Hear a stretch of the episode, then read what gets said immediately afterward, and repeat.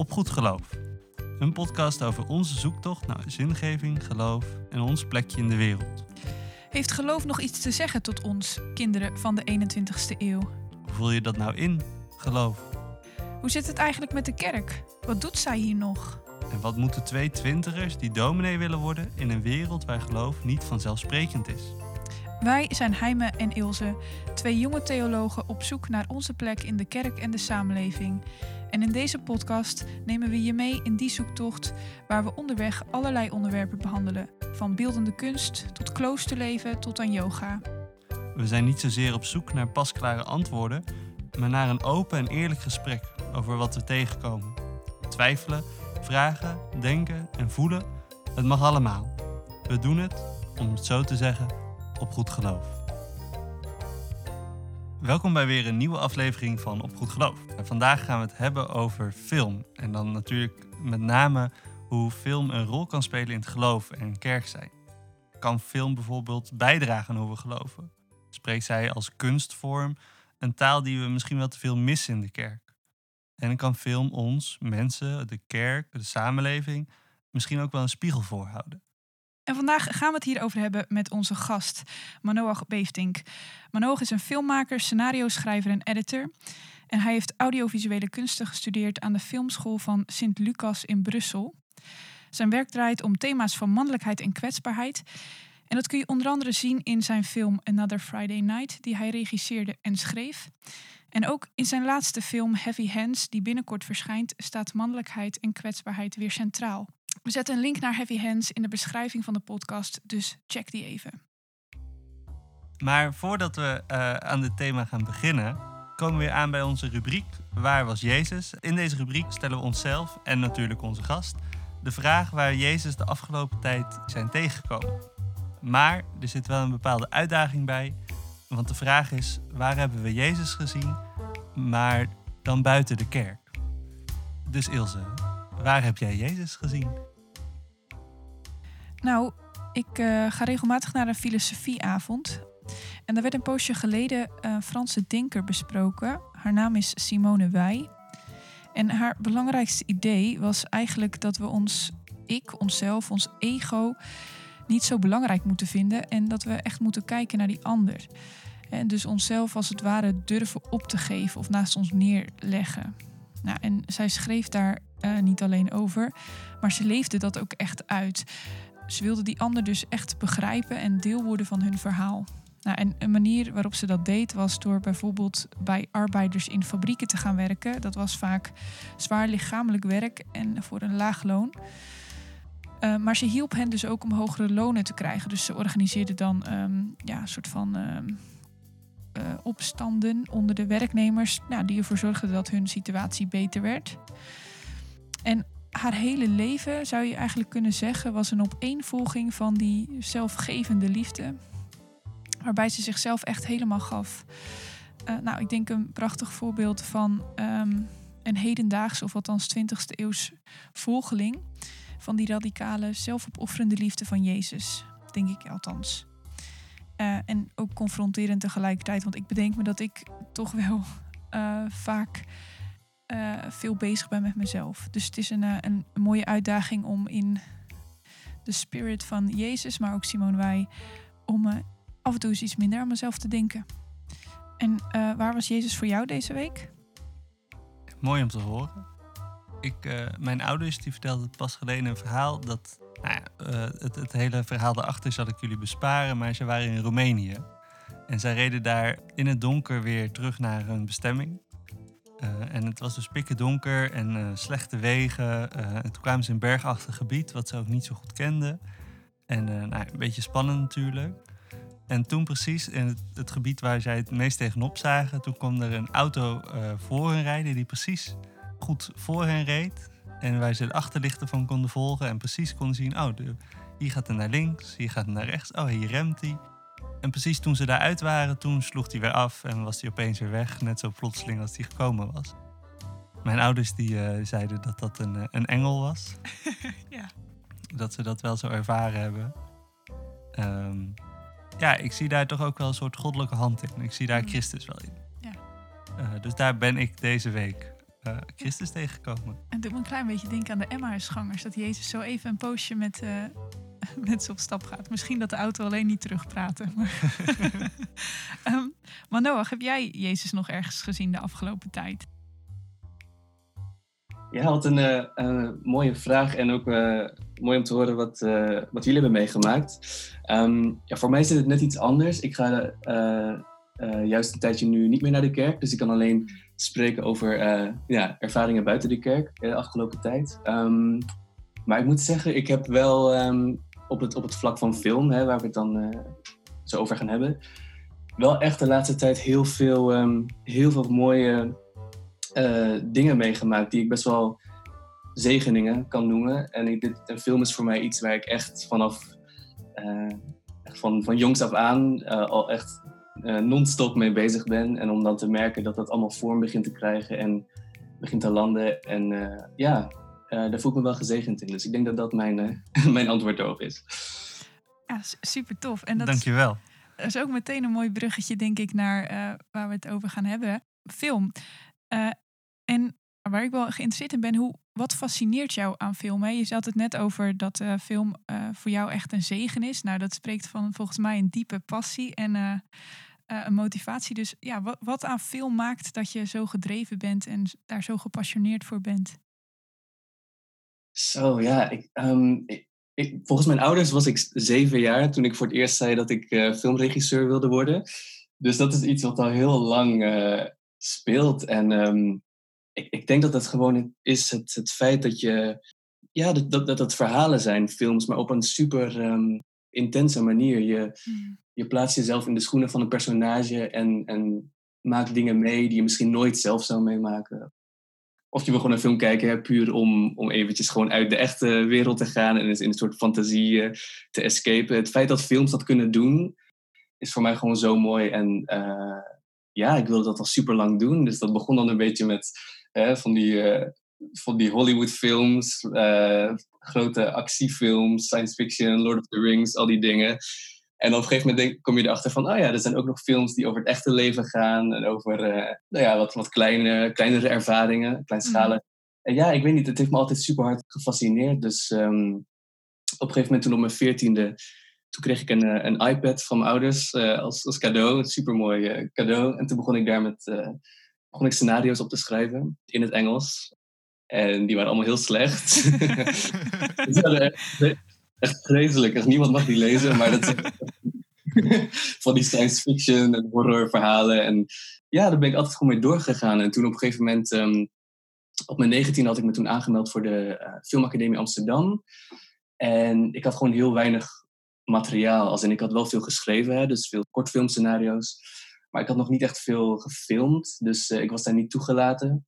En uh, dat was heel, uh, was heel jammer, want ik dacht dat dat de enige optie was om, om, om, filmregisseur te worden. En toen was er een toelating in, in België, in Brussel. Dat was iets later in het jaar. En toen had ik nog wat extra maanden om wat, wat materiaal te, te schieten. En ja, toen was ik daar aangenomen. En ik heb sindsdien daar vier jaar gestudeerd aan die filmacademie. En dus nu, zoals je net al zei, Ilse, Heavy Hands, dat is mijn afstudeerfilm. Dus ik hoop dat ik nu aan het werk kan als filmregisseur. Goed om te horen. Ik hoor zowel dus film als, als een manier van ontspannen en gewoon relaxen als het ware. Maar ook ergens uh, film als een manier van jezelf uiten of jezelf herkennen. Um, ja. Ja, en film als bepaalde zeggingskracht hoor ik ook. En dat vind ik zelf altijd ook inderdaad echt heel boeiend en heel uh, krachtig daarin. Dat film met juist die combinatie van woorden en beeld en hoe je het composeert natuurlijk. Dingen kan overbrengen die, die je met woorden of met beeld alleen eh, niet kunt, kunt zeggen. Dus ik ben heel benieuwd om daar zo meteen nog verder over in gesprek te gaan. Maar ik vroeg me ook af, je bent christen uh, en hoe speelt dat een rol in je vak? Uh, is dat een inspiratiebron of heeft het toch andere uitwerkingen? Mm, ja, ik, ik moet eerlijk toegeven, ik ben nu even in een, in een fase in mijn leven dat het geloof een beetje meer, uh, uh, ja, dat ik daar, daar een beetje meer onzeker over ben, als in dat ik gewoon veel vragen heb en ja, niet, niet per se weet zo van wat het geloof voor mij is of hoe het vorm moet krijgen in mijn leven. Ehm, ja, en ik, ik merkte gewoon dat de, de tijd in Brussel, aan de filmacademie, daar leer je gewoon zoveel verschillende culturen en, en andere mensen met een eigen, eigen achtergronden, eigen visies op het leven kennen. Die voor mij, ik bedoel, ik had daar nog nooit, ik had er nooit, was er nooit meer in aanraking gekomen. Dus, dus ja, je leert als filmmaker heel erg een soort, eh, tenminste op de school waar ik op zat, leer je heel erg zo'n kritische houding aannemen. Ik begon dat wel een beetje ook op het geloof aan te nemen. Zo van, oké, maar wat is dat geloof dan? En wat betekent het voor mij? En in welke vorm wil ik dat uiten? En ik moet heel eerlijk zeggen dat ik daar uh, nog, niet zoveel, uh, nog niet zoveel antwoorden op heb. Maar ik heb wel al die tijd het geloof heel serieus genomen. En ook gewoon uh, mensen die een ander geloof hebben of een andere vorm van spiritualiteit zoeken. En ik, ik wil, neem dat heel wel heel serieus. En ik denk van, ja, hoe, ik zoek daar nu nog naar hoor, hoe ik dat vorm kan geven in, in de vorm van films. Ja, begrijpelijk denk ik. En, uh, en heel mooi om te horen. En juist uh, die combinatie van twijfelen en het toch heel serieus nemen, mm. uh, vind ik altijd heel vruchtbaar. Ja, ik, ik denk ook in ieder geval, we hebben ieder een podcast op, opgenomen over waarom wij theologie gingen studeren en wat dat met ons heeft gedaan. En nou, ik wil niet helemaal voor Heimen spreken, maar ik denk dat we dat wel herkennen. Van je komt inderdaad op, op een studie die waar je nou in, in ons geval voor veel christenen, maar wel christenen ontmoet die heel anders in hun geloof staan. Waardoor je wel ook ja, je blik verbreedt heel erg. En ja, je neemt niet meer zomaar voor lief wat je zelf hebt geleerd. En dat zorgt ervoor dat je, dat je zowel kritisch wordt, maar ook dat je jezelf en de ander daardoor extra serieus neemt, denk ik. Dus ja, voor mij in ieder geval uh, heel herkenbaar. Uh, en ook een vraag die daar misschien wel uit voortvloeit en die ook bij ons allebei speelt trouwens. Zijn er dingen die je mist in de kerk of uh, in het geloof? En nou ja, voor jou dan in het bijzonder natuurlijk als filmmaker. Zijn er dingen die je graag anders zou zien? Mm, ja, ik bedoel ook om nog daar verder op in te gaan. Het feit hè, dat ik nu een tijdje niet meer uh, naar de kerk ga, heeft daar ook zeer mee te maken. Omdat ik dan in Brussel was en dan heb je zo uh, ja, al die andere culturen, al die andere mensen en, en levensvisies uh, waar je mee in aanraking komt.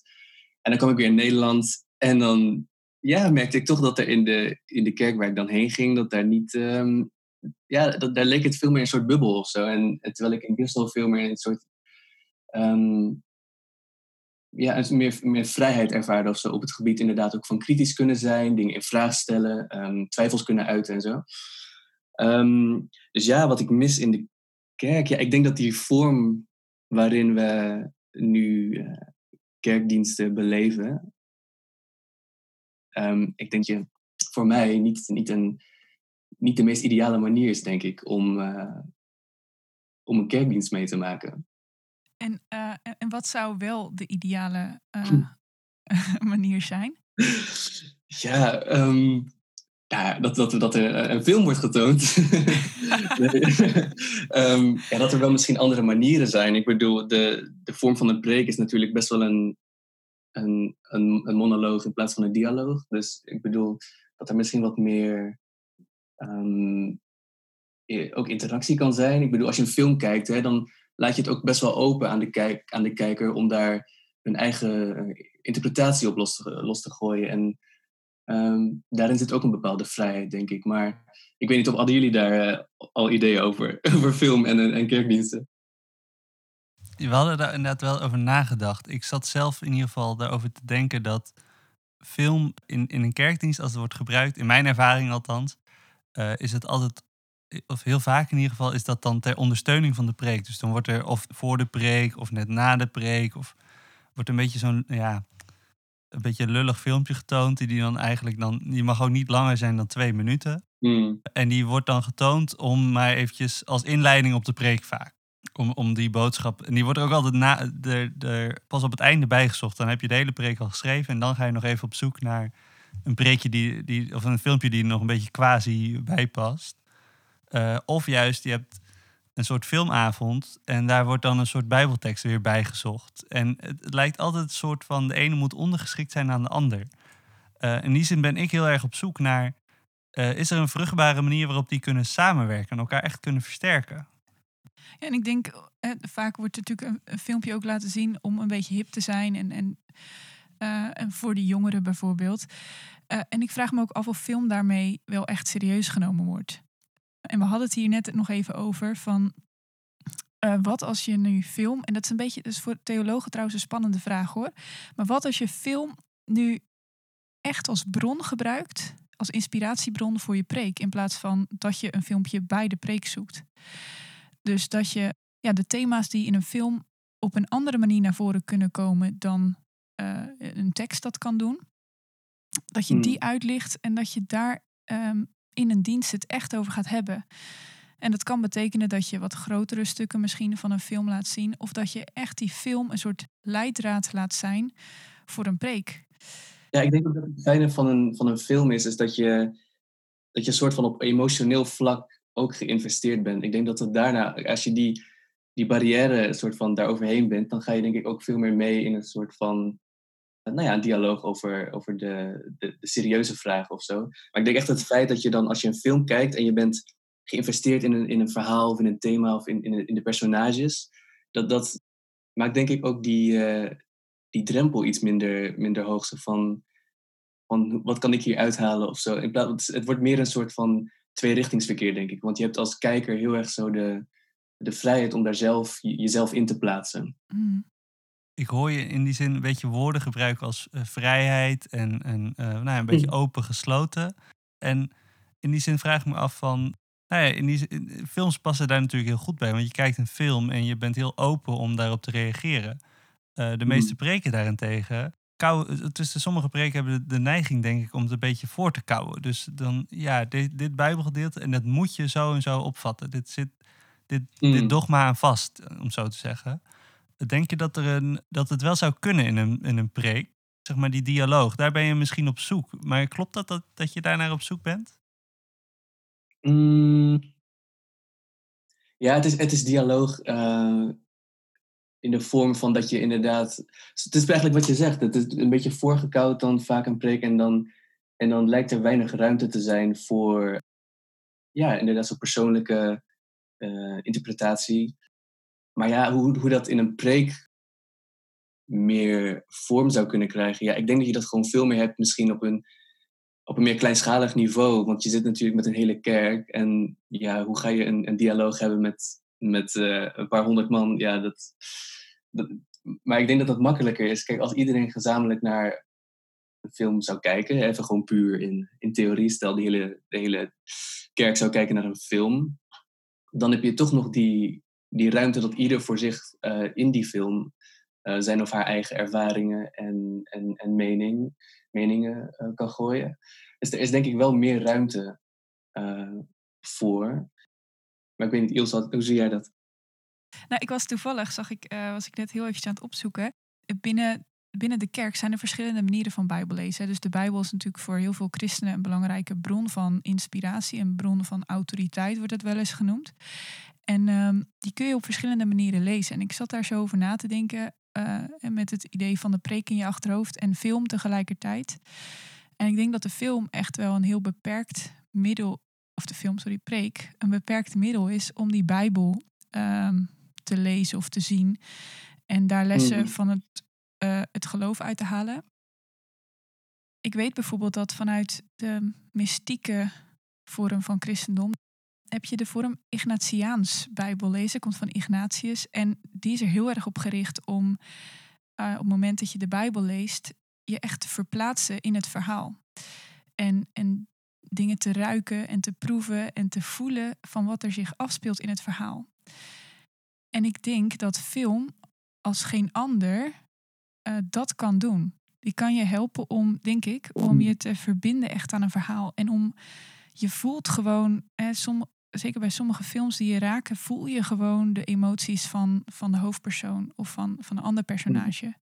En, en soms ruik je inderdaad en, en uh, kun je bijna de geur ruiken van een gerecht of zo wat je ziet in een film. Je, kunt, je, je wordt er zo ingezogen dat je helemaal meegaat in mhm. dat verhaal. En ik, ja, ik mis dat zelf wel eens in, uh, in de kerk. Uh, het blijft vaak bij woorden, een heleboel woorden. En nou ja, zeker de preek, maar ook gebeden kunnen ja. Ja, en het geeft een beetje dat, dat de vorm van. Ik bedoel, het geeft het verhaal ook weer terug hè, aan, zo, aan, aan, aan verhalen in de Bijbel. Als in, in een film, dat is eh, een narratief wat, wat eh, een bepaalde structuur heeft. Hè, zo van een begin en een midden en een einde. En ik denk dat dat, dat puur gewoon, als je kijkt naar de structuur van een film of zo, dat je zo'n kleine reis meemaakt met een personage.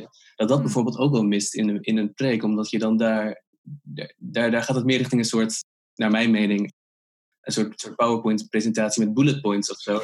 Ja, ja, ja. En, en daar mis je dan die, die, die emotionele, dat je zo geïnvesteerd kan zijn op, dat, op emotioneel vlak. Maar als we het daarover hebben, over de. Nou, in de geschiedenis van, van film en christendom is vanuit christendom is er natuurlijk af en toe wel felle kritiek gekomen op het gebruik van film. En zeker in kerkdiensten, maar ook überhaupt van gaan naar bioscopen. Van eh, ja, je wordt een wereld ingeleid die niet echt is. En je wordt er zo, nou, wat Ilse net, wat ze heel beeldend beschreef, je wordt er zo ingezogen. Dat is eigenlijk heel verleidelijk ook. Hm. Eh, hoe kijk jij als filmmaker naar dat soort kritiek? Ja, kijk, dat is een kwestie, dat is een, een, ja, een mening. Ik bedoel, want kijk, als ik naar die Bijbel kijk, en ik heb heel weinig Bijbelkennis, hè, jullie hebben daar veel meer kennis van. Maar bijvoorbeeld als ik dan een verhaal lees over, ik weet niet wie dat was, maar een vrouw die een eh, haring van een tent in, ho- in het hoofd van een man eh eh, duwt en hem daarmee vermoordt.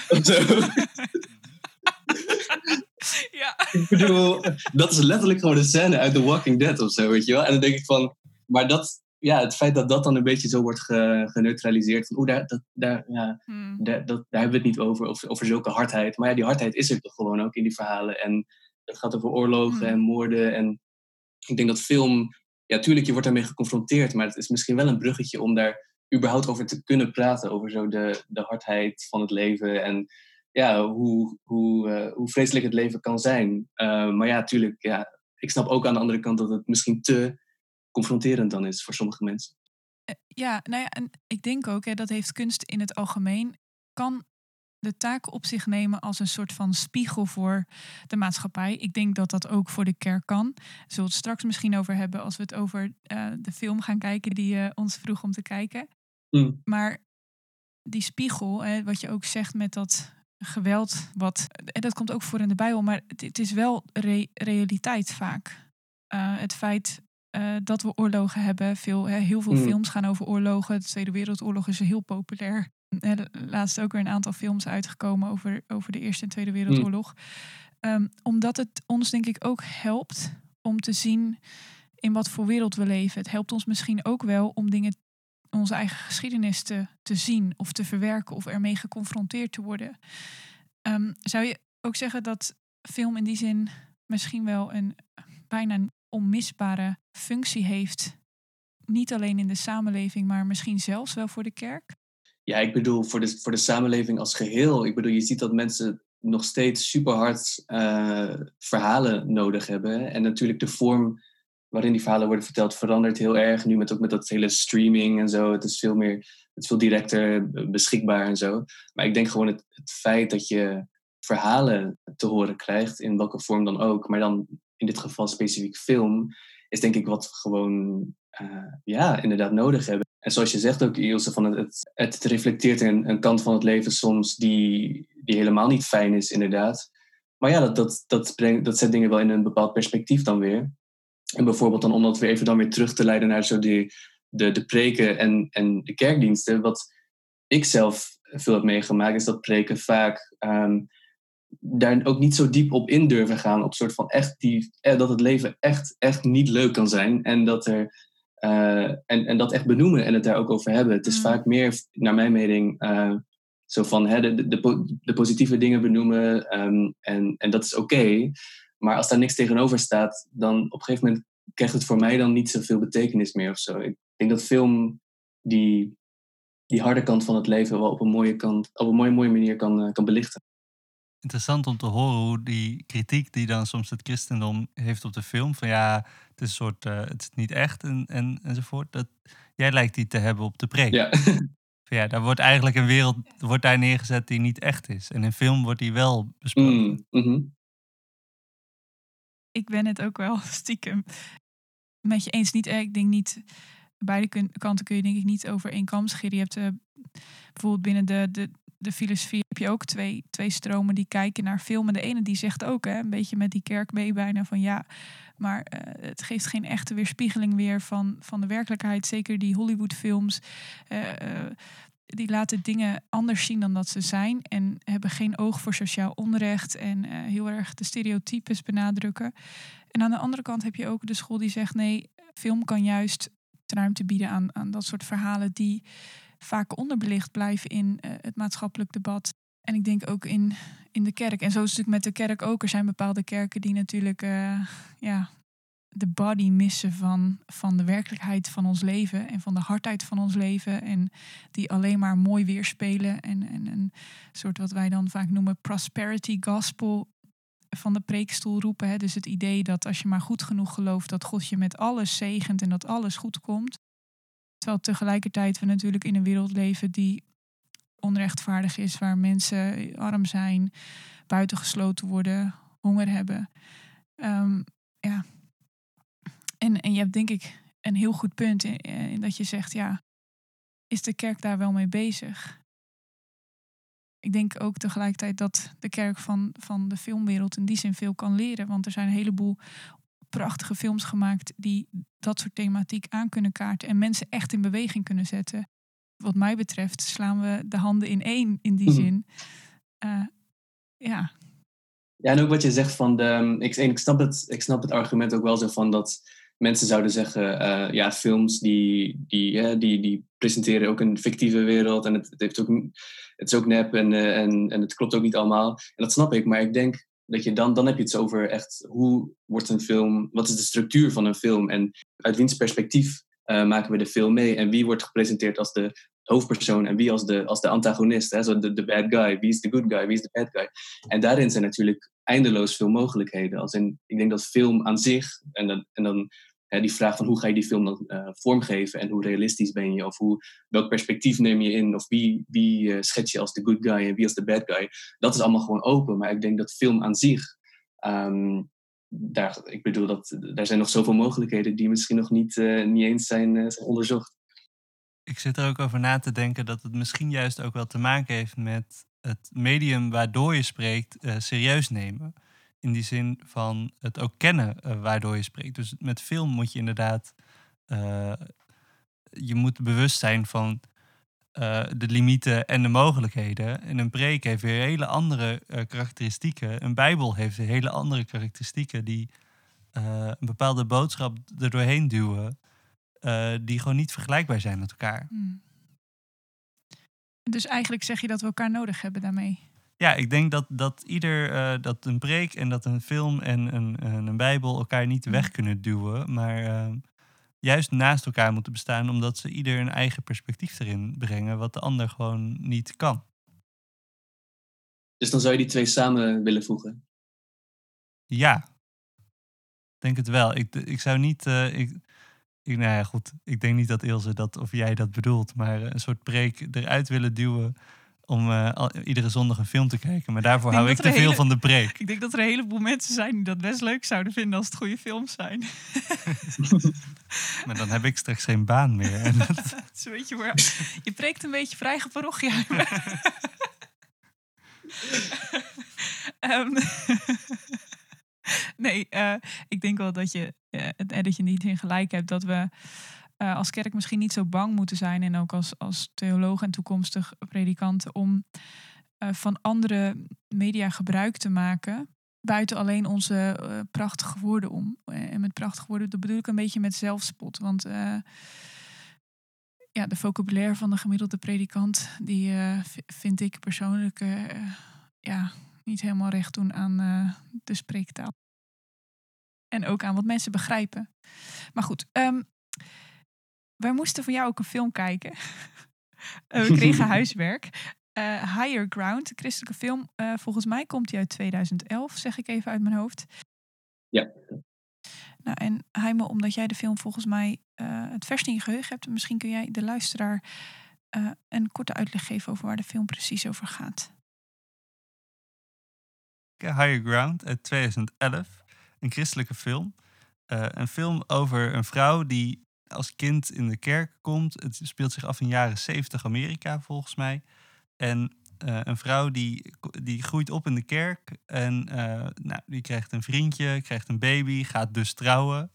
En eh, ervaart dan iets waardoor zij, waar zij samen Gods hand in zien. En zij sluiten zich aan bij de kerk. En ja, dat lijkt heel eventjes een perfecte wereld. Maar eigenlijk langzaamaan komen er steeds meer eh, breuken in dat hele geloofswereld. Waar haar man nog volop in zit. En die is helemaal in de heer, zoals we dat noemen. Maar zij zelf merkt gewoon steeds meer geloofstwijfels. En hoe zij daarop reageert eh, en hoe ze daarmee omgaat, daar, daar gaat de film over. Ik zal het einde niet verklappen, want eh, kijk hem vooral zelf. Ik vond het een erg, erg mooie film om, om te kijken. En wat mij betreft ook heel goed liet het zien eh, wat, wat film kan toevoegen, wat inderdaad een preek niet kan toevoegen, wat mij betreft. Ja, en waar ik allereerst wel benieuwd naar ben, Manoach, waarom liet je nou juist deze film aan ons zien? Wat is er zo bijzonder aan? Nou ja, kijk, er zijn überhaupt niet zo heel veel christelijke films eh, in general, maar ook christelijke films dan die ook wel, ehm, nou ja, laat ik het liefst zeggen, eh, een bepaalde kwalitatieve. eh, Ik, ik, ik, denk, ik denk dat we allemaal snappen wat je bedoelt. Ja, Ook niet fijn. ik bedoel, het gebeurt gewoon niet zo vaak dat je een, een, eh, een, een, echt een film ziet die echt gewoon kwalitatief goed is, maar die daarnaast dan eh, het christelijk geloof of geloof überhaupt serieus neemt. En ik weet nog dat ik deze film zag eh, voor het eerst. En ik, ten eerste vond ik het heel verrassend eigenlijk dat de film christenen in een best wel positief licht plaatst. Als in vaak in films, eh, als je dan toch wat meer naar de mainstream films kijkt, worden gelovige personages vaak een beetje zo als, als uh, nou ja, karikaturen neergezet. En dat deed deze film niet. En dacht ik van oké, dat is sowieso iets nieuws. Dat er vanuit de filmmaker een, een empathische blik hè, naar, naar, de, naar de gelovige personages is. Maar daarnaast ook gewoon dat daar, ja, dus die twijfel over dat geloof, dat dat ook gewoon wordt uh, benoemd. En dat dat, uh, dat dat voor het hoofdpersoon echt een reis is. En dat zij, heel, dat zij eigenlijk helemaal niet zo zeker is op bepaalde momenten in haar leven. Um, ja, en dat, en dat, ik bedoel, ook het feit gewoon, bijvoorbeeld, er is zo'n scène ook in die film. En dan, dan heeft ze best wel een, een heel uh, open gesprek over, over seks met een vriendin van haar. Want ze is volgens mij dan net zwanger of zo. En ik, dacht, en ik schrok best wel toen ik die scène zag. Want ik dacht, oh, oké, okay, wow, oké, okay, oké. Okay. Maar als ik, toen ik erover nadacht, dacht ik van, ja, maar waarom, waarom is dit gek? Of waarom zou dit gek moeten zijn? Maar ik weet niet, had, weten jullie welke scène ik bedoel? Ja, ja, ja. Ik Wat snap, ik snap de reactie inderdaad uh, die je had wel. Maar vooral ook, ik zat zelf ook meteen te denken... Ja, is dat dan een jaren zeventig Amerika-ding... dat wij Nederlandse christenen gewoon niet kennen? Ja, ik had de laatst, uh, ik zit op voetbal en uh, daar komen, nou ja, daar zitten niet heel veel christenen. Ja, mijn teamgenoten zijn uh, volgens mij geen van alle christen, maar een van um, mijn teamgenoten, die, daar had ik een keer over. En volgens mij zei ik toen zoiets, het is toch gek dat we ons zo schamen rondom thema's als seks. en toen had ze een beetje een beschuldigd lachje. Toen zei ze, ja, wat, waar denk jij dat dat vandaan komt? Nee. en uh, ja, toen moest ik natuurlijk toch wel toegeven dat de kerk niet altijd een hele gezonde verstandshouding heeft met, met hoe wij praten over seks. En juist ja, die eerlijkheid van dat onderwerp aan bod kwam. En daar werd echt niet omslachtig over gedaan. Dat, ik vond het prachtig. Hmm. Uh, want je gaat mij niet vertellen dat er inderdaad geen christelijke vrouwen zijn die het daar stiekem wel eens over hebben, omdat ze of behoefte hebben aan seks, of dat ze dingen misschien verlangen van hun partner die ze missen. Ja, het feit dat daar open over gesproken werd, nou, dat is misschien wel precies Hmm. zo'n puntje waar zo'n film een spiegel aan de kerk voor houdt. Zo van, uh, hebben jullie door dat jullie manier van spreken over seks niet altijd behulpzaam is? Maar vooral omdat ook allebei de kanten werden laten zien. Mhm. Zeg maar wel de, een beetje de ongezonde manier waarop de kerk misschien met seks Mhm. omgaat. En een beetje wegstoppen. En je moet je broeders in de Heer niet tot laten struikelen. Zo'n soort scène kwam erin voor. Maar ook juist die vriendinnen die het er gewoon over hebben. En ja, het ergens grappig vinden en er ergens mee worstelen. Dat, dat vond ik veel verhelderend. Dat er ook een spiegel werd laten zien van nou, er is dus echt wel een, manier, een ge- een gezonde manier om als christenen over ook dit soort thema's te praten. Ja, precies. En zo'n film kan dan inderdaad eh, beide kanten van, van bepaalde onderwerpen laten zien. En laten zien dat er, dat er eh, ja, nuance is. En dat, er, dat, dat je dingen niet per se op één manier hoeft eh, te belichten. En om dan weer even dat terug te, te brengen naar die vorm van de preek. Ik denk dat het moeilijk is om, want daar is het toch vaak vanuit één perspectief, hè, een soort van één mening en één, één visie. Uh, en een film kan, kan daar, ja, kan het op, op van verschillende perspectieven belichten. Ja. ja, dat denk ik ook. Ja, ik zit nog even te denken aan die film. Of dat er nog, nog meer dingen ik vond het heel mooi hoe de film uh, duidelijk jou als, als kijker ook heel serieus nam. In die zin dat, dat je niet alles werd verteld wat er gebeurde. Sommige dingen werden gewoon laten zien, zeg maar. En dan moest je zelf een soort duiding daaraan geven. Uh, en misschien kijk ik alleen hele saaie, uh, luie Hollywood-films hoor. Dat, daar ga ik even geen commentaar over geven. maar dat vond ik heel, heel verrijkend, omdat ik wel echt soort van. Ehm, voor mijn gevoel aan het denken werd gezet van, oh, wat, waar, is, waar is zij nu in haar leven? Uh, mm. Ja, en... Eén scène die, die mij gewoon nu nog ook te binnen schiet, is dan dat, volgens mij staat ze dan in, uh, in de badkamer of zo, en dan probeert ze in tongen te praten, oh, ja, ja. volgens mij. dat, omdat ze dat zo graag wil, maar dat lukt gewoon niet. En ik bedoel, om, om zoiets ook met een beetje humor te benaderen of zo. Ik denk dat dat ook veel moeilijker is in een preek. Want dan, en, het, en het geeft ook en dat is dan ook weer een vorm van nuance, denk ik. Om niet alles met, met een 100% serieuze, ernstige houding te benaderen. Maar ook om daar een beetje misschien de humor van in te zien. Ik denk dat de film dat ook kan doen.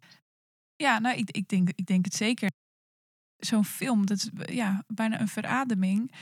Uh, niet alleen in de zin dat het humor dus laat zien en, en eerlijk is over seks, maar eigenlijk ook gewoon eerlijk over die hele zoektocht naar God. Maar eh, zij staat dan ook, en dat vind ik dan ook prachtig aan het eind van de film in de kerk zelf. En dan neemt ze gewoon het woord en dan eh, gaat ze vertellen hoe, hoe zij geloof eigenlijk echt ervaart. En ik vond dat prachtig, want ik dacht, ja, nu breekt er iets open daar in die kerk, omdat iemand mm. durft eerlijk te zijn over de twijfels die komen bij het zoeken naar God. Ja, dat gaf me ook wel, ik denk, als hopelijk toekomend predikant, een soort van nou ja, een, een, herinnering of zo, of een, of een, een kleine push van hey, let daarop dat, dat er in de kerk ruimte is voor echte verhalen, voor de echtheid van de twijfel. Want God is niet te vatten in onze woorden. En wij theologen denken misschien wel eens dat, dat we, uh, we praten in ieder geval veel over God in abstracte termen en in moeilijke theorieën. Uh, maar aan het eind van de dag moeten wij ook heel nederig erkennen dat we het eigenlijk niet zo goed weten dat God een mysterie is en helemaal niet zo goed te vangen is in woorden. En juist ruimte geven aan, aan, aan die eerlijkheid, ja, is iets wat van mij in ieder geval meer mag in de kerk. En wat deze film ook echt wel weer eventjes goed um, weergaf. Daarin vond ik het ook juist ehm, heel mooi dat die film ook eindigt met hoop. Want na dat hele mm. betoog gaan we toch mm. het einde verklappen. uh, uh, staat, zij in, staat zij in de deuropening. En ik was die film aan het kijken en ik hoopte, zeg maar, ik zat zo, ik hoop zo dat ze niet die deur laten dichtvallen voordat de film eindigt. En dat deed ze niet. Het eindigt terwijl zij in die deuropening staat. En daarmee, uh, ja, ze kan nog terug, zeg maar, als in, ze staat echt in die deuropening, gewoon door die film heen. Uh, maar daarmee sluit ze niet de kerk en God voor mij ook volledig af. Dus in die zin is daar ook een stuk hoop van het is niet afgesloten en klaar. En het, het blijft een beetje ambigu tegen het einde. En dat vind ik ook heel mooi in die worsteling van uh, het niet zomaar afsluiten, maar het wel ook, ja, nou, waar we het eerder over hadden, het serieus nemen. Ja. Ik vind het wel, het is misschien wel een mooi moment om ook af te sluiten. Ja, uh, het is mijn gewoonte uh, om, uh, om een quote toch te doen. Noemen we Ilse's quotehoekje. Ja, om mijn quotum te halen. het is heel flauw. Maar ik dacht, uh, misschien leuk om af te sluiten met een quote uit de film zelf. Mocht je hem nou heel graag willen zien en um, ja, dan ben je eigenlijk al te laat, want eigenlijk hebben we alles al gezegd wat er te zeggen valt over de film. Uh, nee, helemaal niet. Oh, sorry. Nee. We, hebben, oh, we hebben het einde al wel een beetje verklapt. Maar goed, dit zegt ze. Je kijkt een film niet alleen voor het einde. Oh, oh ja. Ik heb niks geleerd. Ook de reis Ook de ik heb niks geleerd uit deze aflevering, blijkt maar weer. Ilse Ehm. gaat de film hierna nog een keer kijken. en mijn excuses aanbieden in de volgende aflevering. Maar goed, ehm, dit, zegt, eh, dit zegt de hoofdpersoon aan het einde van de film, terwijl ze voor de kerk staat met al de vragen en, en de zoektocht. Ze zegt dit. At other times he doesn't come. I feel like I live in an empty place. I told God I'm not going to let go until you are blessing me. But I am wrestling something nameless, void. I want it to be solid so bad. I want it to be real. And I don't know how to make it real. Nou, daar eh, wil ik wel mee afsluiten met die rauwe eerlijkheid van het hoofdpersoon uit Higher Ground. Ja, nou, dan komen we nu bij eh, het einde van onze, ons prachtige gesprek. Dankjewel, Manoa, voor je, ja, voor je inzicht en ehm, je inspiratievolle woorden waar wij heel veel van kunnen leren. En eh, ik hoop dat we er ook iets mee doen straks als predikant. Ik heb in ieder geval nu al zin in om een keer echt uit een film te preken. Ik zal laten weten als ik dat ook gedaan heb. Ehm, en ik ben eigenlijk wel benieuwd, ben je op dit moment met eh, iets bezig, met projecten bezig? Waar kunnen mensen jou vinden? Ja, ik heb toevallig net eh, mijn, eh, mijn website gemaakt. Dus als mensen het leuk vinden om wat werk van mij te zien, kunnen ze gaan naar manoachbeeftink.com. Zetten we ook in de beschrijving van de podcast. En ben je nog met projecten of dingen bezig? Ben je al nieuwe film eh, aan het maken? Ja, altijd. Ah, Altijd. nice. altijd. Ah, nice. Maar je, kan, je kunt zeker nog geen tipje van de sluier geven.